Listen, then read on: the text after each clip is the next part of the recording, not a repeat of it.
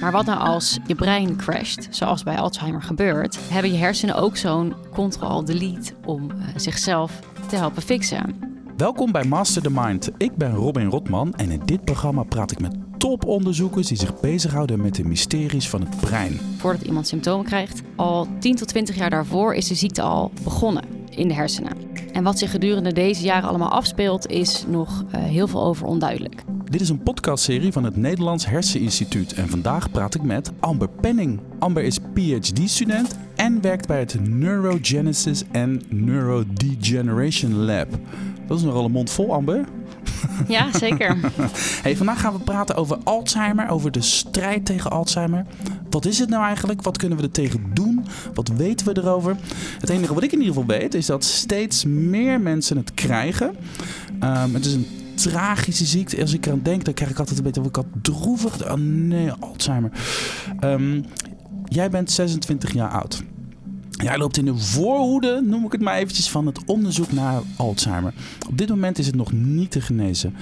Over 50 jaar, als jij straks wat ouder bent en jouw generatie, gaan zij net zoveel last hebben van Alzheimer als de generatie die nu wat ouder is? Wat denk je, wat zeg je gut feeling? Nee, ik hoop dat we over 50 jaar zeker uh, echt grote stappen hebben gemaakt. Mm -hmm. Vooral omdat we tegenwoordig toch echt steeds meer uh, bijzondere nieuwe technieken hebben die we kunnen gebruiken. En als ik zie hoe ver wij nu uh, zelf zijn met ons onderzoek, dan sta ik daar wel positief in. Je bent optimistisch? Ja.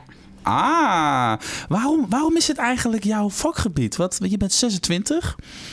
Wat, wat, wat vind je er zo fascinerend aan? Ja, klopt. Uh, nou, Alzheimer komt gewoon uh, heel erg veel voor. Het is de uh, meest voorkomende vorm van dementie. Het is namelijk zelfs 70% van de mensen met dementie heeft de ziekte van Alzheimer. Mm -hmm. En de getallen van de Alzheimer-patiënten gaan alleen nog maar explosief stijgen als gevolg van vergrijzing. Dus zijn er momenteel 290.000 mensen in Nederland met de ziekte van Alzheimer, is dit al een half miljoen tegen 2040. Dus het is gewoon een groeiend probleem. En jij gaat impact maken. Is dat een beetje het gevoel dat je hebt? Wij, mijn generatie, want jij bent natuurlijk een van, een van de generaties die over 20 jaar mensen aan het behandelen, misschien over 10 jaar al. Jij bent gewoon een behandelaar straks misschien wel. Of je gaat in ieder geval wetenschappelijke doorbraken realiseren. Jij gaat gewoon deze mensen helpen. Is het, heb ook het gevoel van ja, hier kan ik impact maken op de wereld omheen? Dat hoop ik, ja. Ja, zeker. En, uh, en dan zit je nu op het, uh, ik krijg het mijn waffel bijna niet uit, Neurogenesis and Neurodegeneration Lab, hier op het Herseninstituut in Amsterdam. Wat gebeurt er in dat laboratorium? Klopt. Nou, wij uh, doen uh, in brede zin uh, onderzoek naar Alzheimer. Mm -hmm. En iets specifieker kijken wij naar het proces van neurogenese. Neurogenese? En, ja, dus dat, is een, dat klinkt heel lastig. ik zal even beginnen met een vergelijking. Ja. Dus als bij ons thuis de computer crasht, dan zullen de meeste mensen klikken op Ctrl-Delete om die computer te helpen zijn problemen te fixen. Mm. Maar wat nou als uh, je brein crasht, zoals bij Alzheimer gebeurt, hebben je hersenen ook zo'n Ctrl-Delete om uh, zichzelf te helpen fixen. Mm-hmm. Dat is een heel interessant uh, principe. En tot voor kort dachten we dat het aantal hersencellen waarmee je geboren wordt ook het aantal hersencellen is als waarmee je doodgaat. Mm-hmm. Dus dat er tijdens je leven echt geen nieuwe hersencellen bij gaan komen. Dit, nou, is, het, dit is het pakketje waar je het mee moet doen. Ja, precies. Maar gelukkig hebben we nieuwe inzichten laten zien dat uh, dit dogma helemaal niet meer klopt. Dus we beginnen te realiseren dat er wel degelijk uh, in je volwassen leven echt iedere dag nog nieuwe neuronen bijkomen. En dit proces heet dus adulte neurogenese. Mm-hmm.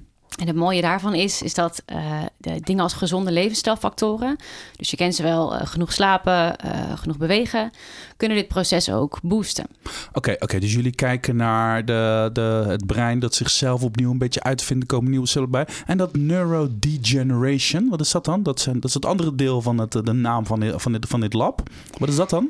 Dat is het tegenovergestelde inderdaad, dus het afsterven van hersencellen. Dus... Um, dat doelt op Alzheimer. Dus dat is een neurodegeneratieve ziekte. Hm. Oké, okay, dus jullie kijken eigenlijk naar het brein. Hoe ververst het zich een beetje? Hoe brokkelt het af? Hoe, zijn die, hoe liggen die verhoudingen? Wat zijn dan de oorzaken? Wat zijn de mogelijke oplossingen? En daarvoor duik jij in het brein. Ja. Voilà. Oké, okay. eventjes toch even een stapje terug. Want uh, ik denk dat er over Alzheimer een uh, hoop uh, misverstanden misschien zijn. Misschien wel mythes. Wat, wat is nou eigenlijk Alzheimer? Wat, wat doet het? In een uh, korte samenvatting is uh, de ziekte van Alzheimer wordt gekarakteriseerd door uh, de ophoping van twee specifieke eiwitten. Mm -hmm. En als gevolg van deze ophopingen sterven er dan dus hersencellen af. Dus Die eiwitten hopen zich op in mijn kopie, in mijn brein? Ja, in okay. de hersenen hoopt het zich op. En als gevolg daarvan sterven er hersencellen af. En uiteindelijk leidt dit weer tot de symptomen die we kennen van Alzheimer, zoals geheugenverlies. Oké, is geheugenverlies het de enige uitkomst van het ophopen van deze cellen in het brein? Deze eiwitten in het brein moet ik eigenlijk zeggen? Nee, er zijn uh, enorm veel symptomen bij uh, neurodegeneratieve ziektes. Uh, Ehm, de meest bekende is toch wel geheugenverlies. En dit is vaak ook waar mensen als eerste last van krijgen. Dus dat het eerste symptoom waar ze mee te maken krijgen. Maar kan het ook zijn dat de aansturing van ledematen moeilijker wordt? Of dat er andere dingen zijn? Of, of heeft het vooral met het denken en het geheugen te maken? Voor Alzheimer is dit wel uh, echt vooral denken en geheugen. Maar andere degeneratieve ziektes zoals Parkinson hebben inderdaad bijvoorbeeld ook uh, fysiek daar. Uh, die zijn een beetje familie van, van elkaar dan, die ziektes. Ja, het zijn beide neurodegeneratieve ziektes, omdat inderdaad in de hersenen hersencellen afsterven. Dementie en Alzheimer worden wel eens op één hoop gegooid, hè? Wat, wat, wat, hoe, verhouden, hoe verhouden die twee termen zich tot elkaar? Daar is inderdaad nog wel eens verwarring over. Uh, maar dementie is eigenlijk een verzamelnaam voor meerdere ziektes waarbij um, de hersenen aangetast zijn, ja. waarbij het functioneren uh, steeds slechter gaat. En Alzheimer is dus echt een vorm van dementie, maar dementie is niet per definitie Alzheimer. Ah, oké. Dus, dus Alzheimer is de ziekte die onder andere dementie veroorzaakt. Maar er zijn ook andere hersenaandoeningen waar je ook dement van wordt. Zeg ja, ik dat goed exact. zo? Ja. Hoe, je noemde net al wat, wat, wat getalletjes. Uh, feiten en cijfers. Om een beetje de, de, de, de rijkwijde van Alzheimer uh, te schetsen. Je zei over, een, over, over, over 15 jaar, 20 jaar zijn het er een half miljoen. Ja, dus dat is ook al uh, bijna twee keer zoveel als vandaag de dag. Dus dat groeit heel snel. En het, het is een ouderdomsziekte. Je krijgt het als je ouder wordt. Ja, in principe wel. Er zijn twee uh, vormen van de ziekte van Alzheimer. De ouderdomsvariant, uh, maar ook een um, erfelijke variant. Mm -hmm. En die erfelijke variant uh, vindt wel iets eerder plaats, onder de 65. Maar dit is maar minder dan 5% van de gevallen. Dus wij kijken zelf ook naar de ouderdomsvariant. Oké, okay, dus er is een klein groepje mensen bij wie het bij wijze van spreken in het DNA al te traceren is. Jij bent ja. gevoelig voor. De kans is groot dat je het krijgt, en dan krijg je het ook wat eerder. Maar bij de meeste mensen is het een ouderdomsding. Komt dat omdat wij steeds handiger worden in het uh, oplossen van allerlei problemen? Uh, als het gaat bijvoorbeeld over kanker en andere ziektes. Dat we eigenlijk wat ouder worden. En dat je uiteindelijk het brein dan uh, het begeeft. Is dat een beetje, of is het ook misschien de vergrijzing? Of misschien een beetje van beide? Wat, hoe, wat is jouw analyse daar? Een combinatie inderdaad. Ja, naarmate we met z'n allen ouder worden, uh, of dat nou door vergrijzing is of inderdaad uh, doordat we steeds meer ziektes uh, weten te genezen, krijgen we ook steeds meer gevallen van Alzheimer. Want de, allergrootste risicofactor voor Alzheimer is verouderen. Dus het is een steeds groter groeiend pro probleem. Steeds meer mensen krijgen het. Maar wat maakt nou eigenlijk uh, deze ziekte zo ongrijpbaar voor iedereen? Want uh, er wordt al heel lang naar gekeken, al tientallen jaren. We weten dat het bestaat. Jullie duiken er heel de tijd in, maar het blijft een beetje ongrijpbaar. Hoe kan dat nou eigenlijk? Daar zijn eigenlijk twee uh, voornaamste redenen voor. Dus wat heel interessant is, is dat um, voordat de ziekte van Alzheimer gediagnosticeerd wordt, dus voordat iemand symptomen krijgt, al 10 tot 20 jaar daarvoor is de ziekte al begonnen in de hersenen. En wat zich gedurende deze jaren allemaal afspeelt, is nog uh, heel veel over onduidelijk. Dus omdat er zo'n enorm uh, lange periode is van onduidelijkheid voordat men gediagnosticeerd wordt, uh, is het lastig om een goede medicatie te kunnen vinden. En ten tweede is de ziekte ook heel complex. Dus ik heb kort verteld over die eiwitten die ophopen. Mm-hmm. maar dat is eigenlijk te kort door de bocht. Dus tegenwoordig weten we dat dat niet het enige is wat misgaat in de hersenen van deze patiënten. Maar er zijn echt meerdere complexe evenementen die plaatsvinden, die uiteindelijk leiden tot een storing in meerdere celtypes en meerdere processen. Dus deze complexiteit is uh, de andere grote reden dat het zo moeilijk is om hier één goede medicatie voor te vinden. Oké, die complexiteit gaan we zo over door. En eigenlijk ook uh, zeg maar het vroege signaleren, wat, waar je dus kennelijk ook naar op zoek bent, is uh, echt doorgronden wat er nou eigenlijk gebeurt. Zodat je mensen gedurende hun leven al in een vroeg stadium gewoon elk jaar kunt checken. Uh, heb jij het of niet? Want het komt pas heel laat tot uitdrukking. En je kan er eigenlijk al veel vroeger bij zijn als je het beter snapt. Oké, okay, straks wil ik het hebben over jouw onderzoek. En dan gaan we het hebben over het schitterendere fenomeen van microRNA 132. Geen benul. Maar mag ik je eens wat stellingen voorleggen? Ja. Oké, zolang er nog geen behandeling is voor Alzheimer, moeten we uitgaan van het principe use it or lose it. Ja, over het algemeen is dat zeker waar. Oké, oké. straks een kleine toelichting. uh, ooit kunnen we onze herinneringen opslaan en opnieuw uploaden zodra we deze kwijt zijn. Waar of niet waar? Waar. Waar? Oh, wauw. Um, yoga en meditatie helpen tegen Alzheimer. Waar of niet waar? Waar. Waar? Oké. Eerst eventjes die Use It or Lose It. Die heb ik natuurlijk een keertje opgepikt bij uh, een van de eerdere opnames die ik heb gemaakt met uh, Dick Swaap. Um, en die had, het, die het over Use It or Lose It. Oftewel, blijf je brein gebruiken. Het beste wat je op dit moment kan doen, überhaupt, is uh, blijf dat ding gewoon gebruiken. Ga schaken, pak een muziekinstrument. Is, is dat een beetje dat use it or lose it principe? Klopt, ja, je houdt je hersenen echt uh, gezonder en fitter door ze goed te gebruiken. En dit zien wij dus ook bij die aanmaak van nieuwe hersencellen. Dat als jij gedurende je leven echt actiever blijft leren, heb je ook een betere aanmaak van die nieuwe hersencellen. Let's go for it. Leer die taal. Ook al ja. ben je wat ouder, ga ervoor. Uh, dat uploaden van die, van die herinneringen. Ja, ik ben natuurlijk af en toe een beetje een tech-nerd ook. En uh, dit is natuurlijk toekomstperspectief. Het is ook een beetje science fiction, bla bla. Uh, maar jij zegt, ja, nou, uh, die, die, die herinneringen opslaan en uploaden. Wie weet? Ja, zeg jij. Zou kunnen. Ja, ik vind het wel een interessante vraag. Ik denk dat... Uh, kijk, ik weet hoe ver we met onderzoek zijn. Ik heb geen idee hoe ver we met die techniek verder zijn. Maar ik denk niet dat het ondenkbaar is dat wij het uiteindelijk kunnen gaan doen. Leuk, leuk, leuk, leuk. We gaan we een andere keer een andere podcast over opnemen. Over, over dit soort speculatieve science fiction-achtige dingen. Yoga en meditatie, die helpen misschien ook nog wel eens zeggen Alzheimer. Is dat zo? Heb je daar een gevoel van, oh, why not? Nou, we weten uh, met Alzheimer dat dus echt heel veel levensstijlfactoren uh, je risico kunnen verkleinen. En dat gaat echt om de standaard dingen als uh, niet roken, niet te veel alcohol, et cetera. Als inderdaad gewoon veel bewegen. En ik denk dat dingen als yoga en meditatie ook iets zou kunnen zijn wat jou echt wel daarbij kan helpen. Ik, ik, stel deze vraag vaak aan uh, hersenonderzoekers. Van, oh goh, als jij nu een beetje beter snapt hoe dat brein werkt, heeft dat ook invloed op je eigen leven? Ga je misschien meer begrip hebben voor je omgeving, omdat dat brein nou helemaal zo functioneert? Jij bent 26, je voelt je misschien in zekere zin een beetje onkwetsbaar nog. Hè? Je, kan nog je, je, bent jong, je bent sterk van geest en van lichaam. Merk jij van ja, ik ben eigenlijk, ik snap, ik snap wel, ik ben toch wat fanatieker met bewegen, misschien inderdaad met een taal leren of desnoods elke dag sudoku-puzzels om dat brein maar een beetje scherp te... Is dat iets waar jij mee bezig bent?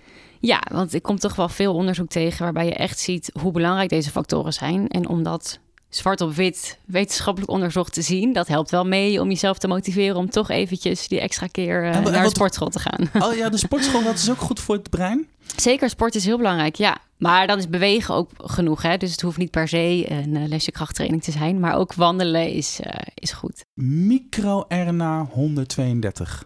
Dat is een beetje de, de, de, de, de core business van jouw werk, of niet? Ja, ik uh, had het al eventjes over die uh, complexiteit van de ziekte. En dit mm -hmm. vinden wij belangrijk om mee te nemen als we kijken naar uh, nieuwe behandelmethodes. Dus met ons onderzoek hebben we een molecuul in de hersenen gevonden. Dat is normaal gezien gewoon aanwezig. En dit is een microRNA. En microRNA's kunnen invloed uitoefenen op heel veel processen. Dus iets specifieker hebben wij één microRNA geïdentificeerd in de hersenen. En deze microRNA kan meerdere processen van de ziekte van Alzheimer verbeteren. En ook het geheugenverlies tegengaan. Daarbovenop hebben we uh, recent en vrij onverwachts gezien dat dit molecuul ook nog eens die aanmaak van nieuwe hersencellen kan boosten in Alzheimer-muismodellen. Oké, oké. dus jij zit dan een beetje in je laboratorium te kijken daarnaar met je collega's. En in één keer realiseren jullie je. Dit is een belangrijk ding in alle processen die te maken hebben met, met Alzheimer. En dat geheugenverlies. En is dat, is dat dan een, een Eureka-momentje voor jullie? Is dat een high-five-momentje bij jullie in het laboratorium? Als jullie daar een beetje mee bezig Het wordt zichtbaar, het wordt duidelijk en jullie vinden bewijzen dat het inderdaad zo werkt? Dat gaat geleidelijker dan één Eureka-momentje, maar um, wel een beetje op die manier. Dus je begint dat we zien dat uh, dit molecuul te laag is in de hersenen van ziekte, mensen met ziekte van Alzheimer. En vervolgens, als je dan omhoog brengt, dan zie je eerst op één proces een positief effect. En dan denk je, yes, dit is een goed begin. En dan kijk je naar steeds meer processen. En tot nu toe zien we dat het gewoon echt op heel veel processen een positief effect heeft. Hoe ziet dat onderzoek er dan eigenlijk uit van jou? Zit jij in een laboratorium? Eh, snij je mensen, dieren open? Wat, wat, wat doe je eigenlijk? Ik werk zelf nu met uh, cellen van mensen. Dus ik heb uh, heel veel cellen in de kweek.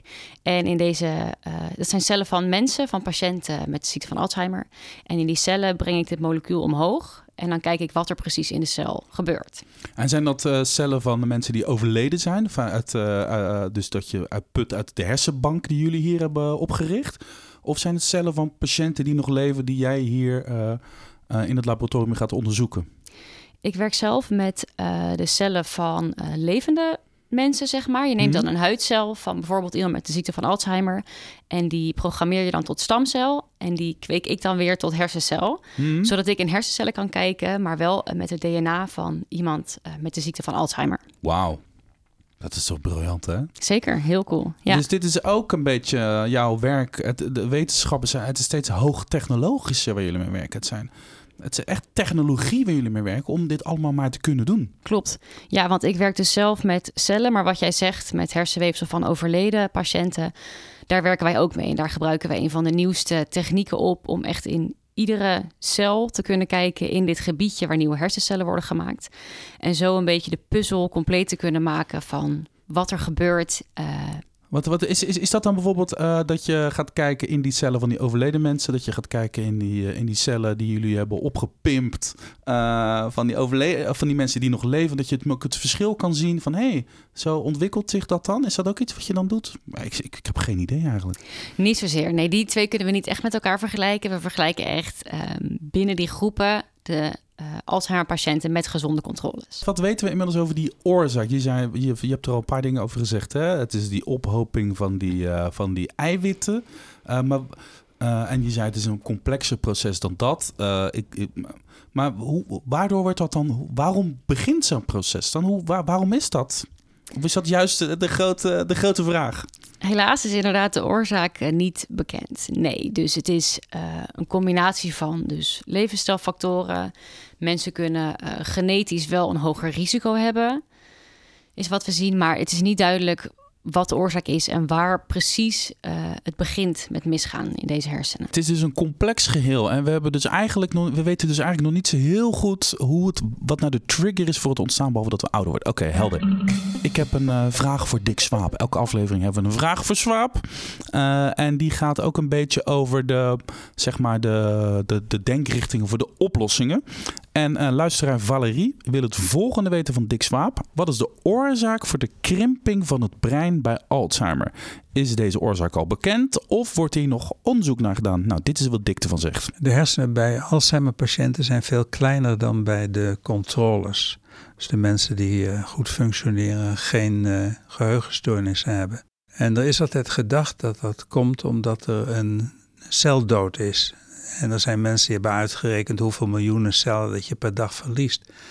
Maar als je het aantal cellen in de hersenschors uh, telt, dan blijkt er eigenlijk in uh, Alzheimer-patiënten geen verlies te zijn.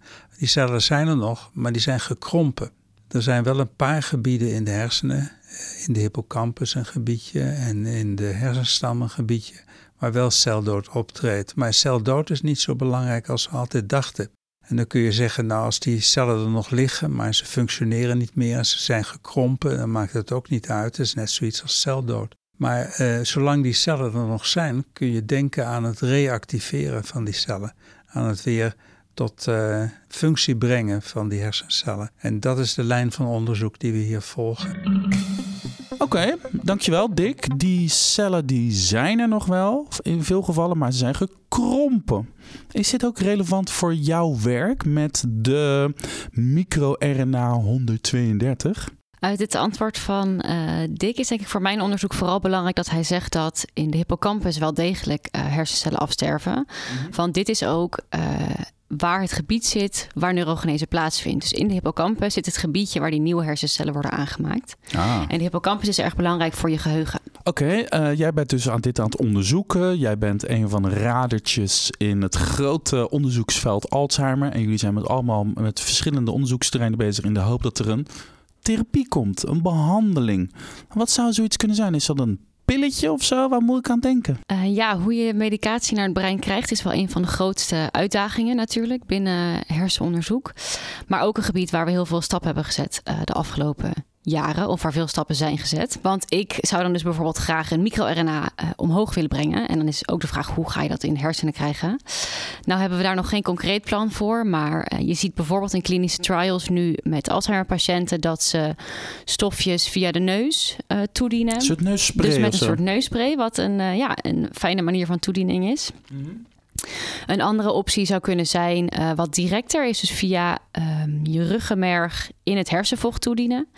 Dat doen ze nu bij kinderen met uh, spinal muscular atrophy, SMA. En die medicatie is ook gebaseerd op RNA. Dus dat is in brede lijnen vergelijkbaar met uh, wat wij met onze microRNA zouden kunnen doen. Dus er zijn wel opties, maar qua toediening en uh, dosis uh, zijn wij nog niet zo ver. Dus dat moet echt onderzocht worden. Uh, maar in ieder geval, dit is in ieder geval de denkrichting. Je moet op een, op een, op een of andere manier hebben jullie straks oplossingen bedacht. Dat moet je dan in het brein zien te krijgen. En dan fingers crossed eigenlijk. Ja, komt het wow. Over een jaartje of 50, dan, dan zijn die oplossingen in ieder geval, die zijn er dan. Dat is toch eigenlijk wel fascinerend, hè? Dat je eigenlijk op basis van informatie die je nu hebt, uh, redelijk groot vertrouwen hebt dat over, over, over een paar decennia dat deze ziekte gewoon behandelbaar is. Dat is toch gaaf eigenlijk? Ja, dat hoop ik wel. Ja, we zien wel uh, dat Alzheimer een enorme uitdaging is. Dus echt de afgelopen twintig jaar is er uh, nou, sinds kort pas één nieuwe medicatie op de markt gekomen. Mm -hmm. Dus voor Alzheimer uh, ligt het wel echt lastig. Maar ik hoop zeker dat we over 50 jaar wel echt uh, een stuk verder zijn. Heb jij ook het gevoel dat je aan het pionieren bent? Dat je, dat je deel uitmaakt van iets, heel, van iets groots, iets tofs? Zeker, ja. Alzheimer is een enorme uitdaging. Je ziet uh, hoeveel stappen er bij andere ziektes worden gemaakt. Maar bij Alzheimer lijkt het echt een beetje stil te liggen. Lijkt. Hè? Er gebeurt achter de schermen genoeg. Maar uh, het is zeker een uitdaging. Maar het blijft ja. een beetje ongrijpbaar. En als je dan... Uh, wat is nou eigenlijk de heilige graal... in die grote zoektocht naar die behandeling van Alzheimer? Wat is dan het... het ja, waar begint... Wat, wat, wat is zeg maar het, het onderzoek... waar iemand een keer een Nobelprijs mee gaat winnen, zal ik maar zeggen? Dat zou echt uh, de ziekte kunnen genezen zijn. Dat is toch het uh, ultieme doel. Want er zijn wat medicaties nu die de symptomen een beetje kunnen helpen. En misschien het ietsje kunnen vertragen. Maar uiteindelijk de ziekte kunnen genezen. Zou gewoon heel belangrijk zijn. Al helemaal omdat die aantallen gewoon zoveel stijgen en blijven stijgen. En uh, dit programma heet natuurlijk Master the Mind. Uh, als jij nou met jouw uh, breinvrienden en vriendinnen in de kroeg zit... en je bent een beetje aan het filosoferen... of misschien wel een beetje aan het brainstormen... over het brein en over de mysteries van het brein... wat is wat, is, wat, is wat jou betreft het, het even misschien even het gebied van Alzheimer... maar misschien iets anders... Wat hoop jij nou dat we gaan masteren? Of wat zullen we misschien wel nooit masteren? Wat is voor jou het mysterie van het brein? Voor mij is dat toch het geheugen, vind ik erg fascinerend. Omdat je herinneringen uh, je toch maken tot wie je bent en tot wie je wil zijn. En het is ook dit stukje uh, wat je kwijtraakt bij de ziekte van Alzheimer. En dus uh, op zoek naar de Ctrl-Alt-Delete-knop voor het brein, zoiets? Ja, ja. Ja, leuk. Amber Penning, PhD-student hier bij het HES Instituut. Dankjewel voor je verhaal. Ik wens je heel veel succes uh, met je mooie werk. Dankjewel. En uh, luister ook de andere afleveringen van Master the Mind terug. En je hoort het, het is superleuk. Over je intuïtie bijvoorbeeld. Wat is nou je intuïtie en waar zit dat in je brein? Over empathie en hoe emoties misschien wel een beetje besmettelijk zijn. Alleen maar omdat we via ma magie geconnect zijn met, met elkaar. Tenminste, dat is mijn interpretatie. Creativiteit, slaap, die biologische klok. Zoveel mooi onderzoek hier. Hey, um, Amber, als mensen naar deze podcast willen terugluisteren, waar kunnen ze dat dan doen? www.masterthemind.nl of je favoriete podcast app. Dankjewel, Amber.